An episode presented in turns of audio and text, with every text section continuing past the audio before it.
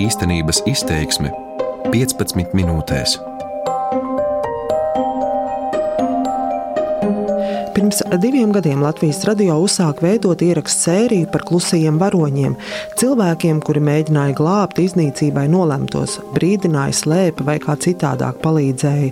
Radio stāstīja par talsnieci Līgu Voronovsku, kurai izdevās paglābties no izsūtījuma pateicoties kaimiņu pārliecināšanas spējām, vai par Antras Kriķis ģimeni, kas no izsūtīšanas slēpās pie radiem.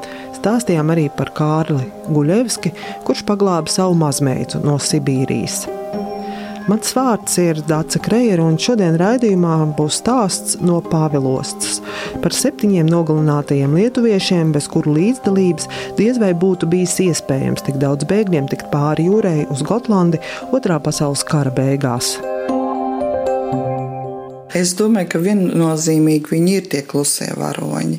Jo nu, būtībā nu, kāda viņiem interesētība nekāda tāda it kā nebija. Ja? Viņi saprata, ka cilvēki grib doties projām, jo viņi lietuvieši tāpat kā Latvija jau 40. gads jau viņi saprata, kas tas ir, un, un, un viņi doties tomēr projām. Es domāju, ka noteikti viņus var saukt par klusiem varoņiem. Tā ir Irina Kurčāno, Pāvilos novadpētniecības muzeja vadītāja.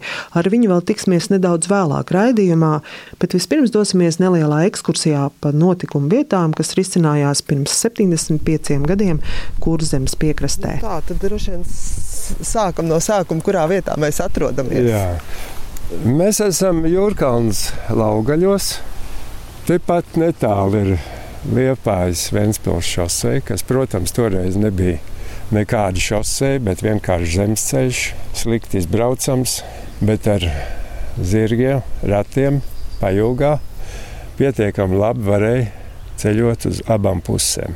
Kara mašīnas arī, protams, gāja uz vienu, uz otru pusi, bet šeit bija pietiekami vientuļi pietiekami mežaini, lai neviens no karojošām pusēm negribētu apdraudēt ne sevi, braucot iekšā kaut kur sāņus mežā. Apmeklējot kādas nezināmas mājas, un tāpēc arī acīm redzot, Latvijas centrālā padome Tie cilvēki, kas organizēja bēgļu apmešanās vietas, izvēlējās šīs nomaļās mājas, kur apmesties centrālajā padomē zināmiem bēgļiem. Šais mājās konkrēti laugaļos apmetās kāļa skalps ģimene. Šeit apmetās arī Roberts Legzdiņš, arhitekts. Mūsu nelielās ekskursijas gids ir vēsturnieks Juris Indāns. Viņš dzīvo Jūrkalnē un ir izzinājis bēgļu ceļus pāri jūrai. 1944. gada rudens bija dieva dots, kad varēja ar laivām doties pāri jūrai. Ap 5000 bēgļu no kurzemes devās uz Zviedriju pašspēkiem vai ar centrālās padomas ziņu. Braukšana uz Zviedriju bija nelegāla un pilna briesmām.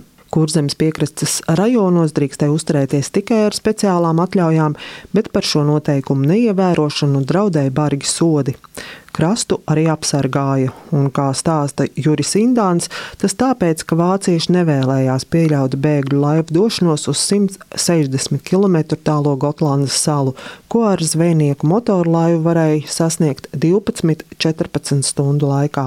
Šeit, šī meža masīvā, kur nebija attīstīta nekāda lauksaimniecība, nekas prātīgs, šeit bija šis robežu kontrols punkts, un tie robežas nebija nevis vācieši, bet lietuvieši, kā jau palīgdienas tas bija tāds. Jā. Jo ko viņi sargās no Vācijas? Vācija viss bija nu, saka, paņēmusi, kur zem viss bija. Un te nekas, no šīs puses nekas nedraudēja. Te nevarēja nekas nākt no jūras, absolūti nekas. Viņš bija formāls vairāk. Bet viņiem kārtība bija vāciešiem. Bija jābūt tik pa gabalam tādam robežu kontrols un muitas punktam. Un tāds viņš arī bija. Tie dienējošie bija lietuvieši.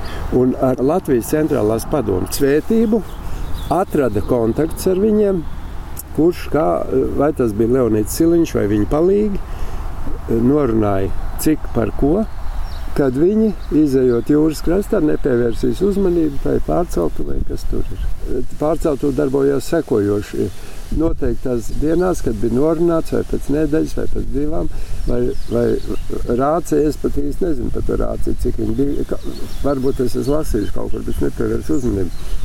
Rācija deva signālu, mēs būsim tādā vakarā. Jums jādod no šejienes uguns signāls, ka jūs esat, jo no turienes nevar. tad varbūt redzētu, jo Jūrkalnē pašā bija pilns ar vāciešiem.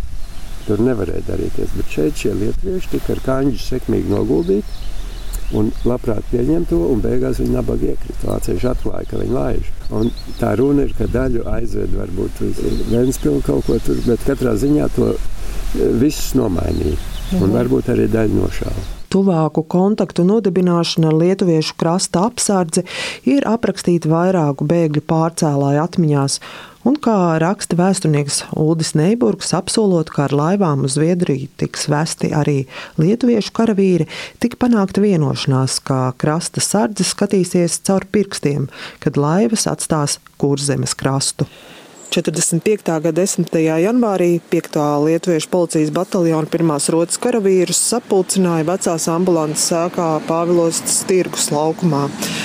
Tagad stāv pretī šim namam, kur adrese no ir Šnaidera laukums 11, kur lietuvieši savulaik ielēns vācu žandarmērijas vienības. Pēc tam viņus vairāk nekā nedēļu pratināja un pēc tam notiesāja. Par brīdinājumu pārējiem ar nāvi sodīja septiņus lietuviešu karavīrus, bet 11 viņu biedrus ieslodzīja koncentrācijas nometnēs Vācijā. Nu, man tā liekas, ka tas ir tāds, lai baidītos. Jā. No vienas puses, lai tie lietuvieši vairs neturpinātu to laist pāri, un arī tie cilvēki, kas brauc projām, vēl varbūt tās arī domāja. Jo no pālos brauca tās ģimenes, kuriem pašiem laivas bija. Te nebija kā jūrkalnē, turpat pakaļ gāja laiva un veda tos cilvēkus. No pālos tiešām vairāk aizbraucās ģimenes, kuriem pašiem ir savas laivas. Nu, tas bija noteikti, lai vairāk sabaidītu cilvēkus, lai to nedarītu. Jā, būt pa biedinājumu, kā, kā mazus bērnus kādreiz varbūt baidīja bubuļiem, bet te daudz drausmīgāk un daudz, daudz, daudz cilvēku dzīvības un tā.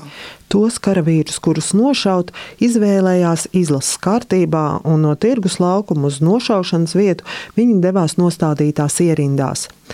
Pēc nostāstiem Irina Kurčānova zina stāstīt, ka šāvēji bija viņu pašu biedri, kuriem tika dota izvēle vai nu šaut, vai arī pašiem būt nošautiem. Pieciem lietuviešiem mēs sazinoties 2004. gadā ar Lietuvas vēstniecību par šiem nošautiem Lietuvas uh, puišiem uzzinājām piecus uzvārdus. Mums atnākusi ir arī vēstulīte, arī muzejā mums šeit šajos rakstos ir, bet divi vēl ir līdz šim laikam nezināmi.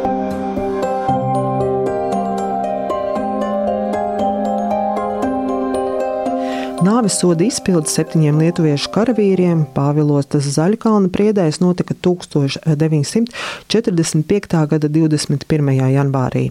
Un, lai arī šī notikuma ir seni, tā atskaņas vietējiem novadpētniekiem vēl joprojām ir jūtams. Un muzeja vadītāji man rāda kādu fotografiju. Man arī bija fotografijas tikko, kur uh, 2008. gadā ieradās um, pie manis arī šeit muzejā viena ģimene no šauļiem. Viens brālis, kad ir domājis, ka viņa brālis pārbēdzis ir uz Zviedriju kara beigās, kad jau nāca padomju armija Latvijas teritorijā un arī šeit Pālostā. Bet um, tomēr ne, ka viņš ir uzzinājis arī Lietuvā šo stāstu, un arī tas uzvārds ir, un viņš brauc ar ģimeni uz šo kapkopiņu. Jau pēc intervijas Irīnas Kurčānos vadībā pa skaistu rudenīgo zaļkalnu priežu mežu esam atnākušas līdz vietai, kur pirms 75 gadiem tika nošauti un arī apglabāti septiņi lietuvieši. Jā, te ir bijis kāds no Lietuvas šitie ziedi nolikti. Bet tas nebija pavasarī. Kapam visapkārt aug priedes un var dzirdēt, kā šalts rudenīgā jūra. Novācam pa kādam kritušiem koka zaram no pavisam necelās kapu kopiņas, kas apaugusi ar sūnām un ķērpiem. Starp nošautajiem karavīriem bija arī kādas Pāvilostas meitenes izredzētais puisis, un līdz mūža galam viņi kopā ar māsu kopa lietuviešu karavīru kapa vietu mežā.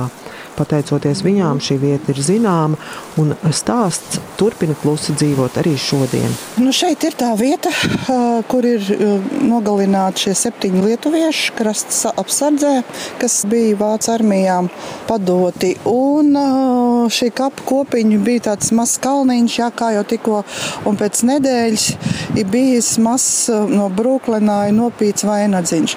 Un tā bija Martas kundze, Marta Liepiņa kundze jau ne, jauna meitene, kur bija iemīlējusies tajā vienā puisī, kas šeit tiešām tika nogalināts. Un tā viņa visus padomu gadus šeit kopa, kāds ziediņš, kāds vainadziņš, un mēs kā maz bērni skrējot te pa mežu redzējām, kad ir kāda kapa kopiņa. Bet tā vairāk tiešām visu sīkāk informāciju uzzinājām tiešām 90. gados. Un tad šodien šo piemiņas vietu ir plāksne, kur ir šo zināmo nošauto lietuviešu uzvārdi un arī krusts ar uzrakstu 45. gada upuri. Tagad jau vairs nav neviena, kas varētu atcerēties to dienu traģiskos notikumus, un atklāti par tiem bija iespējams runāt tikai pusgadsimtu vēlāk, kad pēc Latvijas Tautas frontes Pāvilos nodaļas dalībnieces Edītas Biģeles iniciatīvas Pāvilosnieki kopā ar Liepājas Lietuviešu kultūras biedrību 1994. gadā sakopa Zaļkalna meža kapa vietu un arī uzstādīja baltu krustu šeit nošautajiem karavīriem.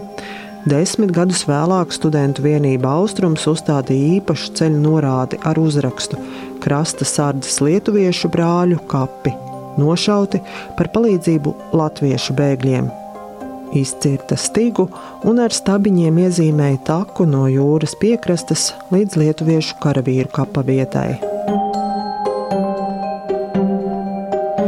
Mans vārds ir Dārsa Kreira, un šis bija vēl viens radio stāsts ierakstu sērijā par Latvijas klusajiem varoņiem. Par tiem, kuru stāsti reti kam ir zināmi, bet kuru palīdzība ir bijusi neatsverama dažādos laikos.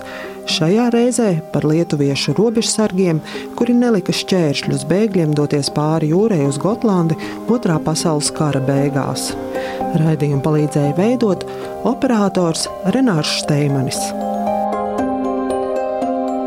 Īstenības izteiksme 15 minūtēs.